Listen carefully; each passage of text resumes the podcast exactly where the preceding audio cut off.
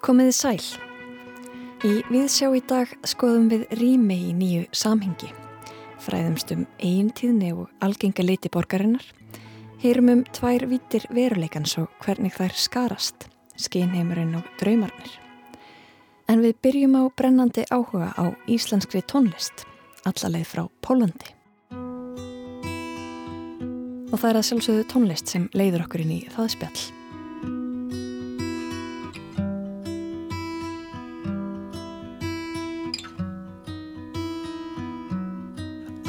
this passion for some time now,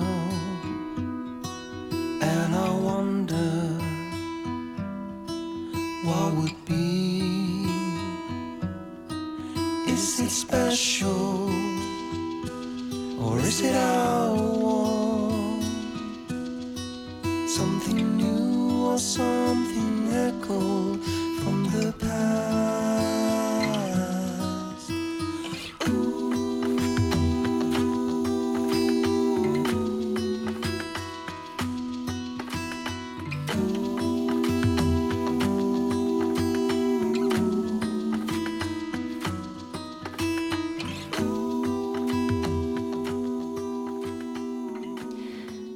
hlusta á lagið Passion með hljómsveitinni Árstíðum.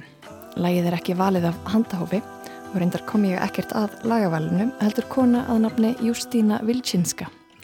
Hún er starfsmæður á Borgabókasafninu en ástæðan fyrir því að hún býr hér á landi er brennandi áhugi hennar á íslenskri tónlist. Titill lagsins er þannig viðegandi, Passion, Ástríða, en lagið sjálft skiptir Justínu líka miklu máli.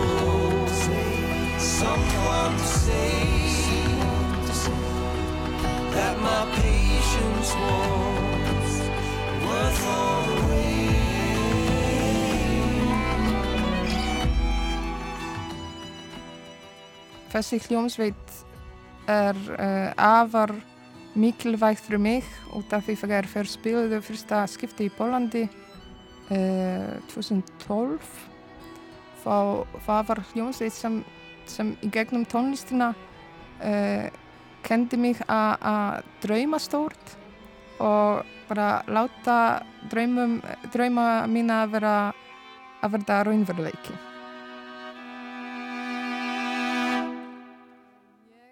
flutti til Íslands út af tónlistinni. Uh, ég er mjög hrifin af uh, íslenskri tónlist. Uh, ég hef skrifað um íslenska tónlist síðan 2010. Ég byrjaði á polska vefsíðu sem er tileinkuð íslenskri tónlist og heitir musikaislandska.pl sem fjallar um íslenska tónlist á polsku og fjallar um, um mismunandi tegundir og uh, það var áhersla á að kynna bara meiri tónlist frá, frá þessu landi og tónlistarmenn sem komu núna oftari í tónlistarferðalag til Pólans. Og er þetta bara reysa dæmi í Pólandi, íslensk tónlist? Uh, já, íslensk tónlist og ekki bara í Pólandi. Uh, ég man eftir því ég var svolítið abbófegar allir, allir eh, hljómsveitir voru að koma til Fískalands en ekki á þennan tíma til Póllands. Mm. cirka 2010-11 eh, núna það breytist en íslensk tónlist er mjög vinsæl í Evrópu og líka út um í, í bandaríkjunum. Eh, það er bara eitthvað sér íslensk í þessu og, og ég veit ekki kannski náttúra sem hefur ekki beint áhrif á uh, tónlistarfólki uh, hér en það er eitthvað sem við hlustendur erum að finna í þessu. Mm. Áverð. En hvernig kviknaði þetta hjá þér? Kynntu, hver, hver var fyrsti íslenski tónlistamæður sem þú hlustaði á? Það var öruglega Björk en þessi ástriða uh, kviknaði í mér 2010 árið þegar Mum kom til Pólans að spila með um, 20 tónlistarmönnum frá Íslandi. Það var sérstak, sérstak program á hátið í Kraká sem heitir Sacrum Profanum og það var kallað Mum and Friends. Svo Mum kom að spila mismunandi lög líka eftir Mum og eftir öðrum með Mugisson, með eh, Aminu með eh, Hogna Eilsinni og fleiri, Benjuheim Hem líka og þetta var fyrsta skipti sem ég sá þessi samfélag á einri svið og vera bara dæmigert Íslands ímynd í tónlistinni. Og þú varst alveg heldtekinn bara og var það þá sem það ákvæmst að flytja til Íslands? Eh, ekki nákvæmlega á fennan tíma en þá nokkrar vikur eh, á eftir ég byrjaði að skrifa fyrir eh, músika íslenska.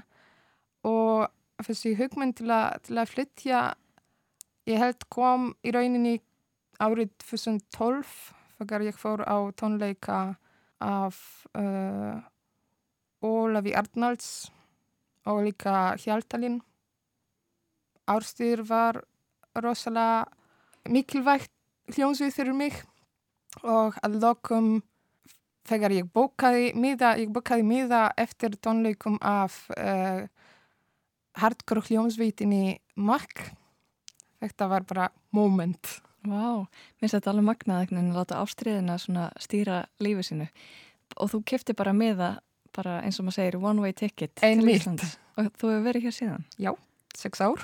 Vá, og hvað, og hvað tók svo við þegar þú komst til Íslands? Uh, það var bara svo gott að vera umvafinn í tónlistarsamfélaginu. Það voru miklir tónleikar í gangi í miðbænum svo í byrjun ég man eftir því ég var að fara bara þrísfar eða fjör sinni á, á tónleika í, í viku að skoða allt mögulegt og tónlistarbúðir og alls konar og bara sér, sér þetta fólk á göttinni í byðröð, í bónus í uh, sundlaug og það er svo svo nálega þér að þú kannski getur ekki upplifa nákvæmlega svona tilfinningu í öðrum löndum. Mm -hmm. Fá tónlistarmæður er celebrity og fyrst, ekki snerta og ekki hörfa.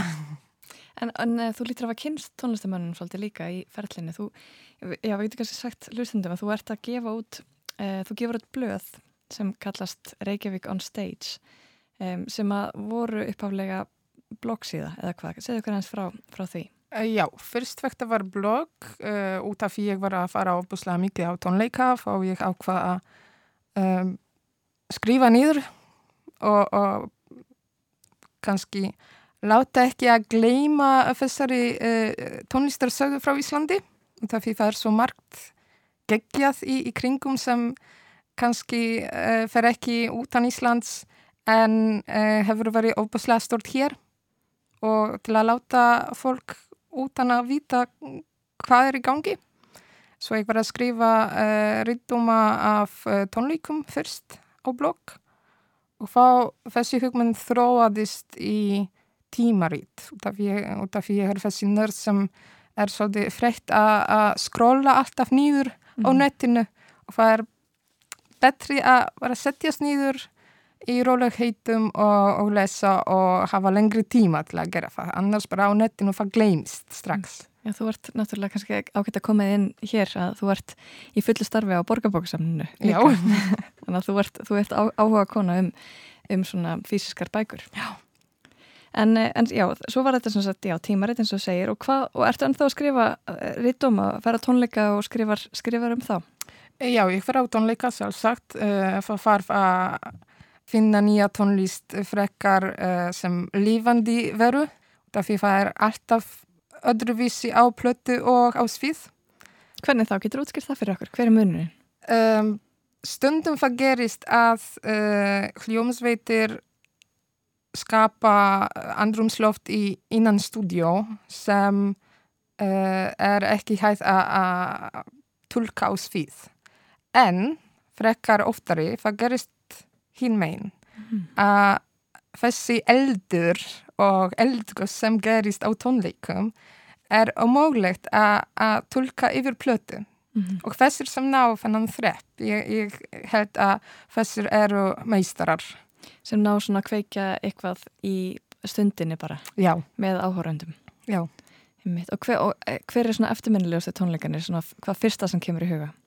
Uh, fyrsta sem kemur í huga um, ég var bara um síðasta helgi ég var á tónleikum af uh, Stoner uh, Rock hljómsveitin í Óttamann sem er ekki búin að gefa út plötu en er bara algjörlega eldur á sviði með þessi örkusprengju sem ég vona verður tulka á, á plötunni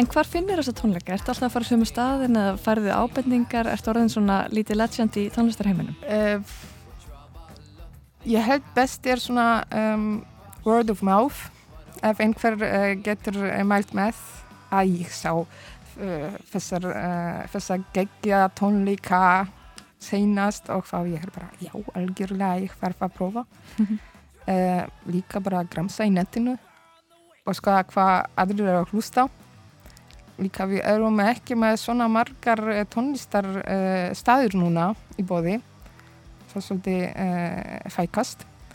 Uh, en það er reglulega eitthvað í gangi í miðbænum ef ekki í húra eða í gauknum sem eru bara legendary staðir.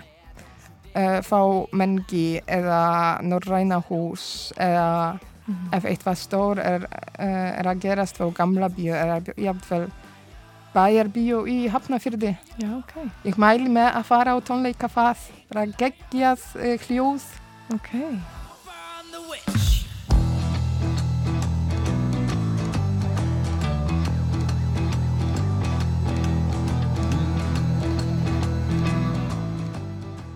En hvað þegar þú skrifur svona uh, umsögnum um tónleika, hvað ertu þá eftir hverju lustur? Er þetta að tala um stemningun á tónleikunum eða er þetta að tala um tónlistin sjálfa, framkomuna, hvað er svona, hvað horf, hvað, til hvers horfiru? Uh, það sem nær mest í mig eru tilfinningar. Tónlist fyrir mig er bara snýst um tilfinningar. var líka saga og, og þessi ferdi sem tónlistarmadur er búin að fara yfir til að ná stöðu sem er núna í og það er mismunandi. Þannig að þú er kannski búin að undirbúa þig svolítið áður en ferða tónleika aðeins að kíkja á tónlistarna. Venjulega, ég, ég er venjulega uh, vel skipulagt í, í þess að vita hvað á ég að horfa.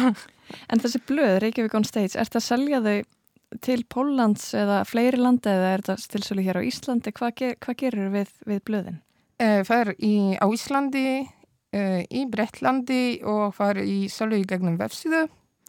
Mæli með uh, Lucky Records og, og Tolftonar, bestu stæðir í, í, í Reykjavík. Mm -hmm. Og fullt af tónlist og tímaritt. Akkurat, fullt af efni til þess að glæða anda. Já, og er líka hægt að hlusta á plötur far, svo bæti á CD, sem sagt, geisladiska og, og uh, vinilplötur. Ég get ímyndum mér þú sett fastakæstu þar. en, en svo ertu líka að gera uh, svona playlista, er það á Spotify? já, playlistar listur eru á, á Spotify og ég er að sapna far allar, öll nýjustu lög sem eru að koma á í löft og bara kynna, kynna mismunandi hljónsveitir, mismunandi tónlistarfólk og þessar playlistur eru ekki kannski að fylgjast með nákvæmlega þemmu mm -hmm. en það er bara þetta sem kom seinast. Þetta er svona meira tíma, tíma meðað heldur en, heldur en svona efnis meðað. Og hver er fylgjað þá playlistunum? Er það margir sem hlusta? Uh, já, það, ég get sagt hvað er frekkar vinselt. Ok. Vistu hvar fólk er að hlusta? Sko, ég veit að það eru jafnvel fólk í Ástralíu að hlusta. Ég, er stundum sjálf í, í sjokki hvað fjár, fjárfækta að nálgast fólk. Já. og tímaritt fór líka í, í Japan og í Singapur. Oh. svo það er ekki bara Evrópa og, og sjálfsagt Norður Amerika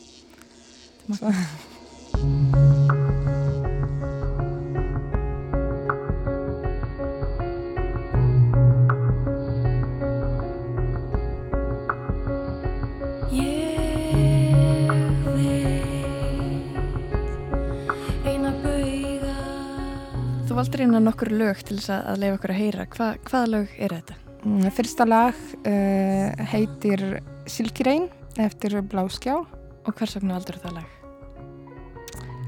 Það er þessi mjög mikilvægt tegund af tónlistinni sem mér fyrir ofbúslega vænt um sem skapar andrumsloft þegar þú fer á tónleika og þú hlustar á þetta lag fyrir með gæsahút og fyrir að gráta. Wow. út af því að þetta er svo fallegt.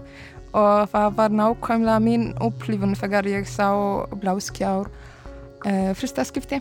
Og hún var að spila bara einn á, á svið á piano.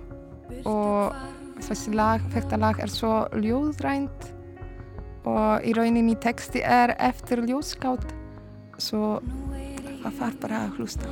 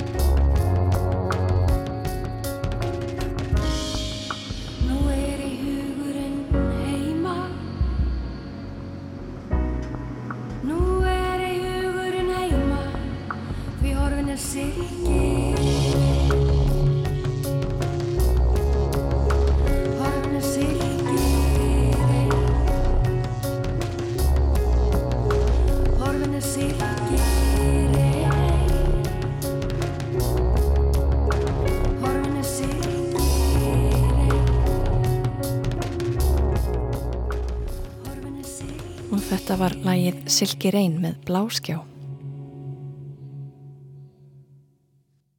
E, hva, og hvað sér þið fyrir þig? Hver eru næstu skrif? Allar, e, er eitthvað svona framtíðasýn fyrir þína, svona, þitt, á, þína ástriðu? Uh, næsta tölublað fymta í röð uh, er í vinslu á lokastíum svo nandi kamar uh, bráðum í núna í sumar ég get kannski ekki sagt nákvæmlega hvenær út af því það er svo sér íslensk að það er ekki mögulegt að skipulegja allt til þess að klára verkefni nákvæmlega á fennan dag En hvernig upplifur það? Þetta, þú veist, þetta er svona tilfinning sem ég hef líka og margir tala um sem koma að utan e, að það sé, það sé mögulegt að gera allt en það er allt svolítið svona kannski kaotíst. Hvernig, Já, ég, ég mun segja þetta í, í þessum orðum á Íslandi þegar það er sagt að tónleikar byrja klukkan nýju, ekki mæta klukkan nýju. það þarf þetta bara að býða. Já, Justína Vilčinska, kæri þakki fyrir að koma og segja ykkur frá Reykjavík on Stage og þínum ástriðufulla e, áhuga á íslenski tónlist. takk.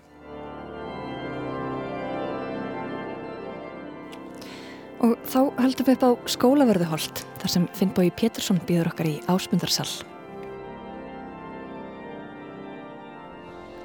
ásmundarsal. Finnbói Pétursson, við sitjum hérna í já, kaffehúsinu í ásmundarsal. Vorum að skoða sýninguna en við getum sagt að þú sért aldrei að, að sæðla um í íslenskum myndlistalífi í dag. Þú ert með þrjár sýningar í gangi. Eða, já, tvær eða þrjár, hvað myndur þú segja? Þetta er nú kannski bara tvær sko. Já, bara, þetta, er bara, þetta eru tvær síningar sko en þetta er sem sagt síningi sem er hérna í Ásmundarsal og uh, sem heitir Yfir út og er sagt tenging yfir í Hallgrímskirkju eða úr Hallgrímskirkju hingað. Og þetta er tengslu við kirkjulistaháttið og ég er að vinna með sko sagt uh, svona færslu dóltið á rými hér sko, þetta er svona þetta er uh, kannski sjaldan sem maður kemst í svona svakalega stórt stóra einingu eða þú veist stórt voljum. Ég hef verið að vinna með, með þetta svona aðeins í gegnum árin að bæða að senda út úr rýmum og senda frá til dæmis eins og ferjum og í Noregi og svona, þú veist, í gegnum FM og í þessu tilfelli langaði mig til að taka þetta rými sem er inn í kirkjunni flytja það yfir í minna rými og, og, og gefa þau tækifæri á að að sko upplifa raunverulega þetta stærra rými inn í minna rými. Þetta er svona eitthvað sem að, maður kannski áttast ekki alveg á þegar maður er stattur á einhverjum ákveðnum stað. Hvað það er fyrir þú ferð á annan stað og hlustar á það með til dæmis að taka upp og þetta er svona ég er kannski svona meðvitið um gangvart sko umhverfunu sem maður er, stattur í sko Sko af því, því við erum að tala um þetta þá eiginlega langar mig að, að við færum okkur yfir annar rými. Já. Við gerum það? Flytjum okkur hérna bara fyrir kannski utan. Út fyrir, út fyrir dyr. Ef við kannski til okkur bara hérna bakið. Jú. Það sem ég velta fyrir mér er, þú hefur mikið verið að vinna með, með hljóð og, og svona heið sjáanlega líka. Um, senda hljóðbylgjur gegnum vatn og fleira. Mhm. Svona að vera að draga fram heið ósynilega kannski. Ertu trúaður? Um, ef þú ert að tala um ef þú ert að tala um sko trúaður á, á sko kristin trúaður þá þá segi ég bara no comment skilur ég sem sagt hef trú á sjálfu mér og öðrum og hérna trú á manneskjuna en ég get ekki sagt að ég sé beinlinis trúaður í þeim skilningi að ég fara á sunnundum í kirkju og, og fara á skelljarnar á kvöldin og svona skilur en, en, en uh, mín nálgun gagvart sko þessu prótjætti hérna í kirkjunu á ásmundasæl er eiginlega manneskjan og, og sko, kannski svona trúna á, á sjálfan sig sko. Ég ákvaða svona snemma í ferlinum í þessari sýningu að, að dóltið að taka kannski manneskina og líkamann bílið fyrir og, og svona, þú veist, hafa það sem kannski ekki beinleins leið, leiðaljós heldur bara sem svona gætans í gegnum þetta bílniti sko, af því því að þetta er sko til dæmis eins og með þessar álplötur sem ég er með bæði hérna upp í kirkju og eins líka þessi eina sem er hérna í, í, í ásmundarsal þetta eru uh, til dæmis þessi sem er hérna í ásmundarsal er, er hangir fyrir enda vegsins. Þetta er eiginlega, sko, uh, þetta er ríkjandi litur í Reykjavík, húsalitur. Já, það. Bæði á, á sko, þökum og eins líka veggklæðningum og málingu. Þetta er svona mest tekni liturinn, koksgrár heitur hann. Er þetta sami litur og er á þakkinu á kirkjunni? Nei, ég held að, nei, ég held að það sé nú bara gópar held ég. Já, ok. sem er orðin veðraðan sko. ég... en þetta er bara það sem er vinsalast og mest tekið í dag og þetta er svona doldi pínlíti bara þú veist þessi kannski er þetta nútíma alltaristafla Já. þú veist þetta er svona það sem að þetta, þetta sko ytra mekka sem fólk býr sér til sko skilin sem það býr sér til utanum sig sko og sem sagt síðan sendi ég inn í sagt, eh, þessar plötur sem er þessi eina plata sem er 30 metrar há hérna í Ásmundarsal og eins líka plötuna sem er út í kirkju, þar eru fjórar. Þar valdi ég liti sem eru sem sagt, litir eh, hérna, kirkjárslítirnir sko.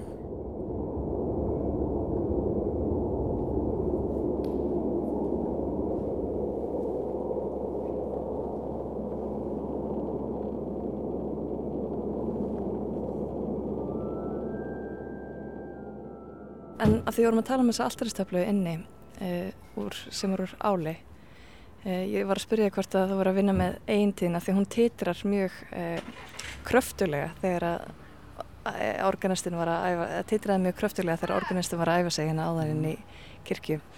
Um, hvað, og þá saður mér nokkuð merkilegt, þú var að vinna með ákveðna tíðni. Já, ég er að sagt, plötuna sem eru út í kirkju til að mynda, þær eru tvekja metrar háar eða tvekja metrar langar og þessi sem er hér er þrýr metrar. Plötuna sem eru út í kirkju sem eru tveir metrar. Eh, þeirra tíðni er svona í kringum 55 til 60 rið. Og þessi hérna er, er lægri hún er, er um, um 50 rið. Þannig að ég ákvaða að, að að við nálaðina við þessi 50 rið þá ákvaði ég að, að senda 50 rið að sínu spilgjur inn í þær og þær eru mjög ánæði með það, þær víbra mjög þægilega við, við þá hérna tíðni. Og ástæðan fyrir þessar tíðni er, er einfallega svo að, þessi 50 riða tíðni er þetta er svona algengasti tótt í nútíma samfélagi í dag í bæði hérna á Íslandu og í Evrópu. Ameríku og Asíu er 60 rið. Getur útskrift þetta fyrir fólki sem er ekki svona uh, búin að velta hljóðfræði svona vel mikið fyrir sér Já, þetta er bara einfallega, er, er þetta bara, sagt, þetta er hjartsláttur rafmagsins. Þetta er hérna tíðnin sem að, sem öll, öll hérna elektrónisk apparat vinna á. Þetta er, þetta er hérna, uh, þú veist, ef þú horfur á strömbreytin í símaninu og lest aftan á þá sér, sér það stendur sko 220 volt og 50 rið, þú veist, á honum. Þetta er bara, þetta er bara púlsin sem að sem að ramagnir, þetta er púls sem að nota til að flytja ramagn á milli staða sko, í, í gegnum, gegnum hérna uh, kapla á virkjunum. Þetta er bara, þetta er bara, þetta er bara, já eins og ég segi, þetta er bara hjartsláttur ramagsins. Mjög falleg, falleg líking. Getur þú sett samfélagið úr skorðum með því að senda sterkar sínir spilkir 50 rið út í samfélagi? Nei, ja, nei, ég held nú ekki sko, ég held þetta sé nú bara myndir nú bara hreinlega bæta það eða þá nullað út því að þú verður með tvo tóna sem er eins og þá uh, nullast það nú eiginlega bara út sko, fasast út uh, tónin þannig að að sínum frekar að myndir róa það neður heldur en eitt sko. En, en að því vorum að tala um rými, að senda stórt rými yfir í lítið rými, hver er þín upplifun af því að standa inn í, í ásmundarsal sem er mjög fallegt, fallegt og opið rými en sannlega tölvert mikið minna heldur um kirkjuskipið? Já það er bara, er Sko ég hef nú komið hérna nokkuð aftur eftir ég bæða með að ég var að vinna að þessu sko og eins líka eftir að við opnum hérna þá uh, er hver skipti sem að ég kem hérna inn að þá er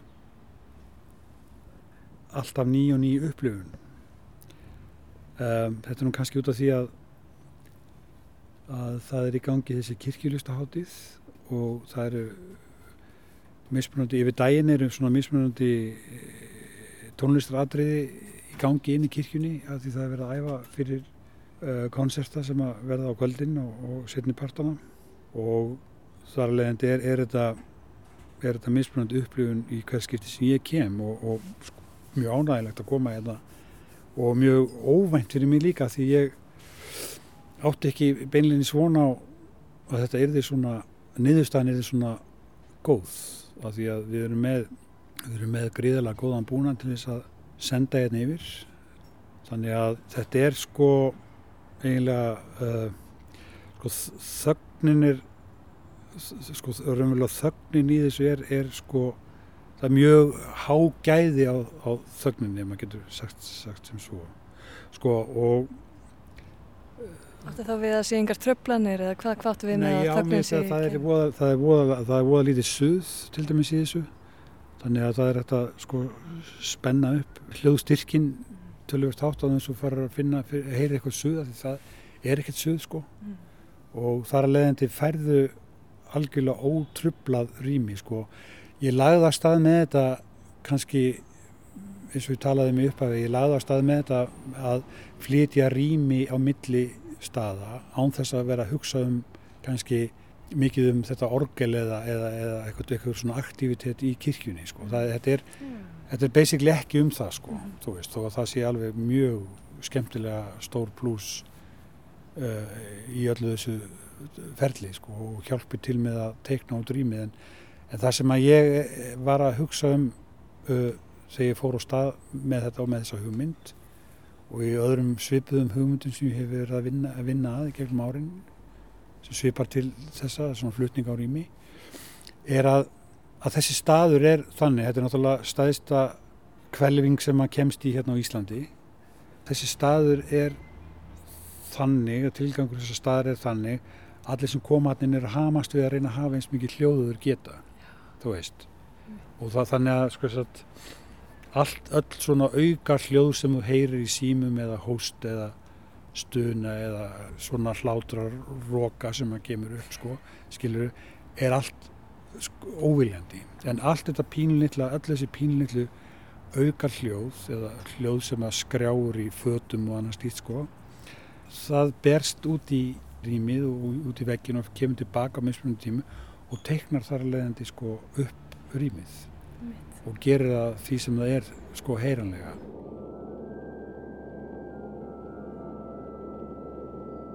Áhugið minn á þessu sko sagt, rýmislegur áhugi og einsleika hljóðræn áhugi var sá að, að það sem ég finnst svo heitlandi all, allavega þegar ég kem inn í svona byggingar erlendis og þarna líka er það að maður fer inn og það er svona, það er kannski týjur manna inni en þú heyr voða lítið annað heldur en bara svona einhvern massa af þögn sko, sem að fólk er einhvern veginn að að hamast við að reyna að halda í sér ykkur, skilur mig? Það passar á því að, sko, að, að þú veist, róp ekki fyrir það kemur út og, og gera svona, þú veist, þetta er svona Allir að berjast, berjast við að passa upp á þögnuna í sammenningu. Já, sko, það er líka allir að berjast við, sko, allir að berjast við að, að vera svona kurteisi gagvart ykkur Mm. sem að það kannski sjálft áttast ekki á ykkur en þetta er mjög svona tilbúin þögn, sko. Mér finnst þú vera, þú ert mikið að, já, mér finnst þú vera að, að spá mikið í einmitt þetta ósynlega og það óheyranlega líka. Ertu, að þú talar um að vera að vinna með manneskuna, ertu að leita inn á við? Vonustu til þess að áhórandum fari inn í sig frekar?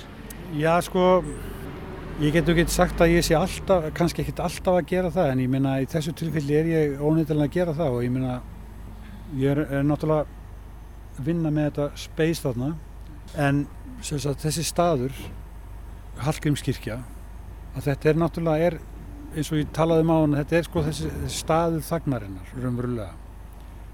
Og þar leðandi er ég svona kannski að, að hérna, vinna kannski meira í þessu, þessu verki með, með þú veist kannski með þögnina heldur en var það ekki annað spurningin eða? Ég var líka svo Mjög gott. Uh, Ég var líka að velta fyrir mér um, að því við erum að tala um að vera ósynilegur sko, þetta er eiginlega tvíþætt. Bæði, uh, mér finnst svo rosalega spennandi tilöksun að geta verið set, setið messu í Hallgrímskirkju í ásmundasal og verið ósynilegu gestur og líka í einhvers konar alvamessu, einhvers svona ósynilegri messu já, bara upplifað kannski jafnvel ein.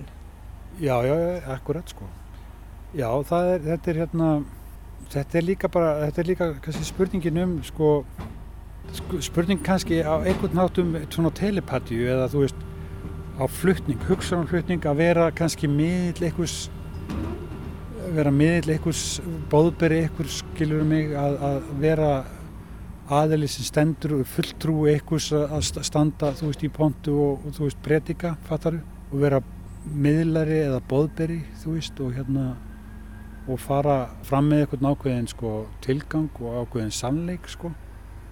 og án þess að ég sé að hvort að hans er satt, sa, sannur eða ekki sko. þetta er eitthvað sem maður hugsar doldið mikið um ekkert bara í kirkju heldur bara í kannski svona trú almennt sko, í trúabröðum sko, að hérna hvað er það sem gerir einhverja ákveðna mannesku að aðri mannesku í einhverjum svona bóðskap eða að flytja einhvern ákveðin bóðskap sko. þú veist, því það eru það er náttúrulega allt, allt vaðandi í, í, innan gæsileppa í svona kannski trúaleitum eða, eða þú veist bóðberum einhver sem að maður veitur raunverulega ekkert sko hvort, þú veist hvaða umboð fólk hefur raunverulega. Ég hef kannski meiri áhuga bara á, þú veist, þú veist, trúni á sjálfa mig og trú, trúni á, á þér eða aðra mannesku, skilur mig. Það, það, það, það, það er sjálfum sem nægi mér alveg, sko, þú veist. einmitt, og, og kannski þá einmitt einhvers konar miðlun þar á milli svolítið svona eins og miðlun á milli hérna Hallgrímskirkju við, við erum að horfa á hérna tvær byggingar sem eru að tala saman Já, já, já, akkurat, sko, þetta er bara, svo vil ég nú, sko, kannski helst að öllu í, öllu þessu er, vil ég helst bara einhvern veginn að fólk kannski svona finni þetta dóldi bara hjá sjálfum sér, sko, að, að, að þess að ég sé eitthvað að tala um eða predika um þetta hér, að þá vil ég kannski, og eins og bara í þessum verkum mínum þá hef ég kannski meiri áhuga að þú einhvern veginn gangir inn í þetta og upplifir eitthvað sjálf, sko, þú veist. Þú veist, ég meina ég er með eitthvað ákveðna meiningar á þessu en, en ég reyna að skilja þessi verk þannig eftir að, að, að þau kannski, þú veist, hérna tryggir og búið til einhverja svona meiningu hjá þér eða sem sagt, e- e- ekkert endilega meiningu heldur bara komið að staði einhverju hugsunarferli. Og, og hérna þú snerti á okkur eigin tíðina kannski? Já, já, já, og þú bara einhvern veginn, já, eða þú veist þetta eins og í útvarpinu, þetta, þú, þetta tjúni, þú setið, þú veist, þú tjúnir kannski næstu stöð við hliðina og farir út einhvern veginn með annan fróðleik í höfðinu heldur en þú komst inn með. Já, ég var að segja ég var mjög heitluð að ganga inn uh, í ásmundarsal og ganga inn í, mér fannst ég vera að ganga inn í svona næstuði eitthvað svona köld þar sem svona hátalarnir stóðu í ring og ég gæti einhvern veginn staðið inn í eins og, eins og svona líflausar manneskir Mhm. og væru að, að segja mér eitthvað mjög merkilegt úr, úr kirkjunni. Já, já. Já, ég meina hátalarnir eru bara, sko, þú veist, þetta er eiginlega bara, ég með þarna inn í kirkjunni, er ég með átta mikrofóna í, í 6 metra hæð sem eru á, í þessum ring sem hangir þar og, og sem sagt er beint út á við. Á meðan að hérna í ásmundarsal ertu með átta hátalara sem er raðið upp í sambarilegan ring en þeim er öllum beint inn á við þannig að og, og, og standa raunverulega þá anspænis hvorum öðrum mikrofónin og hátalarinn þannig að hátalarnir eru raunverulega bara að, að, segja þið bara nákvæmlega það sem að þeir eru að segja þér sannleikan sko. þeir eru að segja það sem að er í gangi og þeir eru að segja þér e, frá stundinni sem bara er að líða það er engin upptaka í gangi það er ekkert svo liðs og þú Bara sannleikan eins og lítur út nákvæmlega núna. Já, það er nákvæmlega, sko. Það er bara, er bara líðandi stund. Finnbói Pettersson, kæra þakki fyrir að hitta mig hér í ásmundarsal og segja mig frá verkinu yfir og út sem er hægt að, að hlusta á og taka þátt í í rauninni með því að, að ganga inn í Hallgrímskirkju. Kæra þakkir. Takk fyrir mig.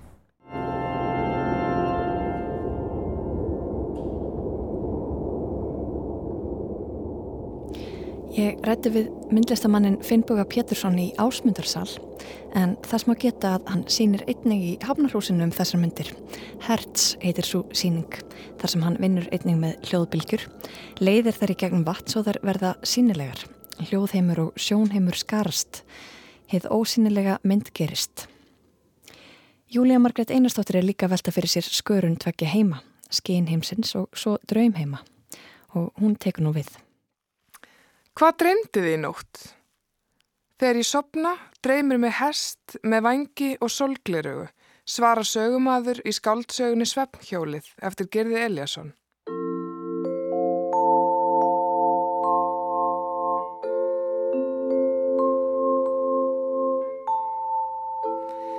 Mér langar að fara í smá hugarferðalag. Á hljóðlátan örugan stað. Ímyndum okkur umvefjandi myrkur, dúnumjúkar voðir, kyrláta þögn. Ekkert heyrist nema andardráttur kongulóa sem sofa undir fataskápum eða spinna vef í síningarklukkum. Brátt fjarar meðvitundin út, meðvitundin um hverstagsleikan, meðvitund um daglegt amstur. Eftir drikklanga stund lifnaðir við, örlittlar litaðar rákir verða greinilegri í myrkrinu ein af annari, eins og reykur líkjast þær um hver aðra og þeim fjölgar, hægt og rólega. Litir vakna og lýsa upp þykti myrkur. Loks verða andlitin greinileg.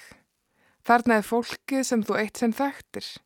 Fólk sem þú hefur mist samband við en átt enn fundi við, en aðeins í draumum. Fólk sem er dáið. Þarna dúkar líka upp fólkið úr hverstarsleikanum þínum.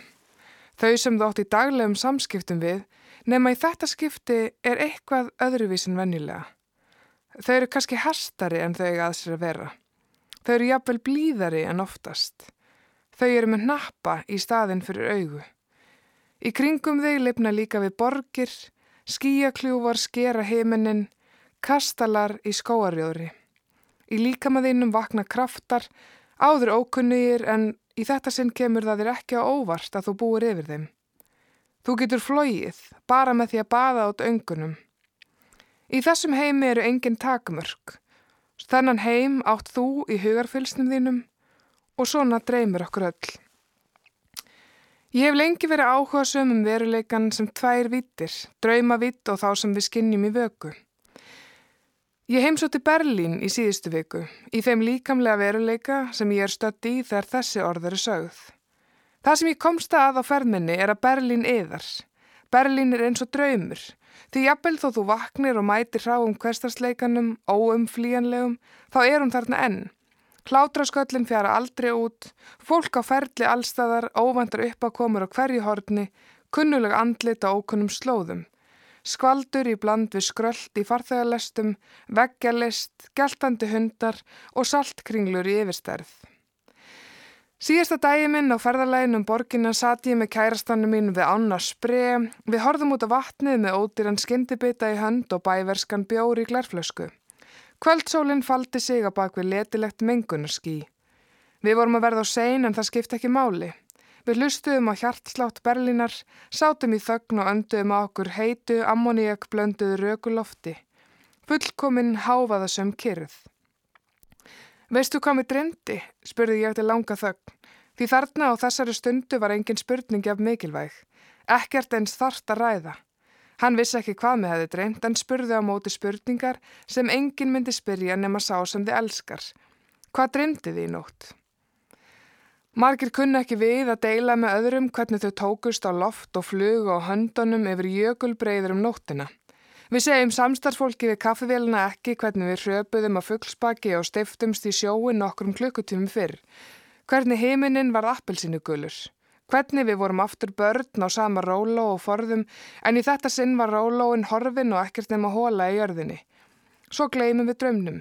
Við gleymum kastulunum sem við byggðum í huganum, gleymum ástinni sem við áttum, sem við endurvöktum, gleymum ógninni sem við horfðumst í augu við og í miðri byrðröð í bankanum eða fundi með húsfélaginu fjara þeir út en taka sér bólfestu í undirmeðutundinni, búnir undir næstu síningu. Hvað dreymdi því nótt? Í sjálfu sér eru þessar sögur ekki umneitt. Þetta eru sögur úr persónulegum ímyndu um heimi sem kviknar á nóttunni en er gleiftur af morgungeyslum. En þeir sem eru hefnir geta þó kannski deilt þessum heimi með einhverjum sem elskar þá nógu mikið til að nennar hlusta og spyrja. Hvað dreymdi því nótt? Svisneski sálkönnurinn Karl Jung rannsakaði drauma á síðustu öld innblásin af þáverandi vini sínum Sigmund Freud sem komst sjálfur að ymsu í misvísendarlegum rannsóknum sínum á draumum. Jung taldi sál sérkværs manns eiga sér sameinlegt upphaf sem byrtist í draumunum að í töfraheimum næturinnar byggju þau animus og anima sem væri drauma holdgerfingar þeirra ólíku andlita sem byrtist okkur í meðvetundarlausu næturhúminu. En draumar eru svo auðvitað ekki engöngu þeir sem lifnaði á nóttunni. Flesta dreymir allan daginn. Við sjáum fyrir okkur framtíð sem er ekki orðin, leifum huganum að reyka til fjarlæra landa sem við höfum ekki heimsótt. Við sitjum í stofunni þar sem við hlóum áður með ástvinn okkar og í augna blik má greina bergamál þess láturs þó manneskjan sé löngu farin.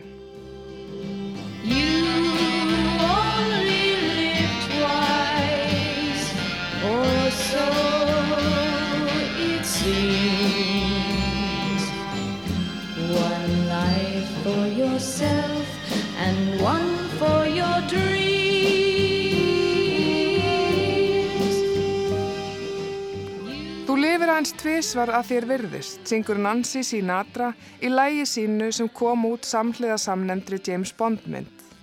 Eitt líf tilheyri þér, annað draumum þínum. Handritið að þeirri bondmynd skrifaði barnabókahöfundurinn Róald Dahl sem skrifaði einni Mattildi og Jóa á baunagrasið á sveflausum nóttum og í sögum hans urðu draumar að veruleika.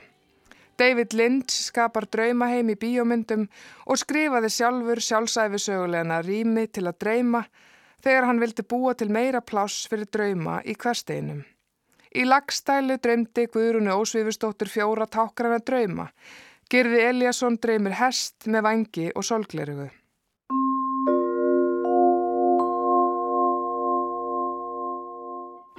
Í síðasta pistli rætti ég við draumakonuna Vigdísi Grímsdóttur um kynni hennar af hennu yfirnáttúrulega.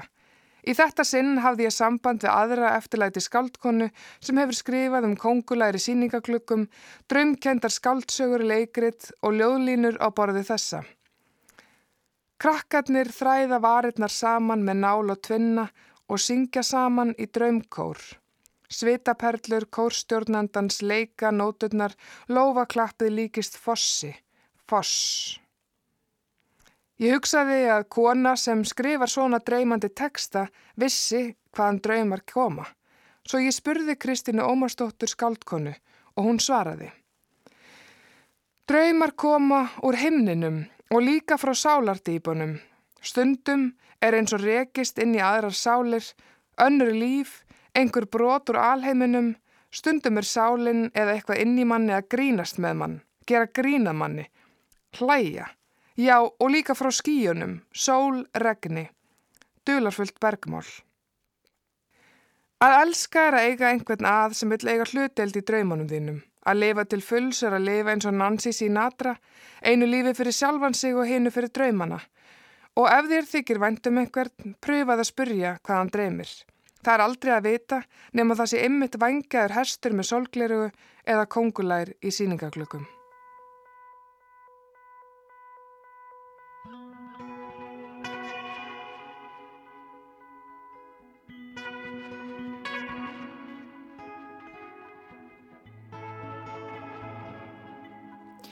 Sagði Júlía Margret Einarstóttir.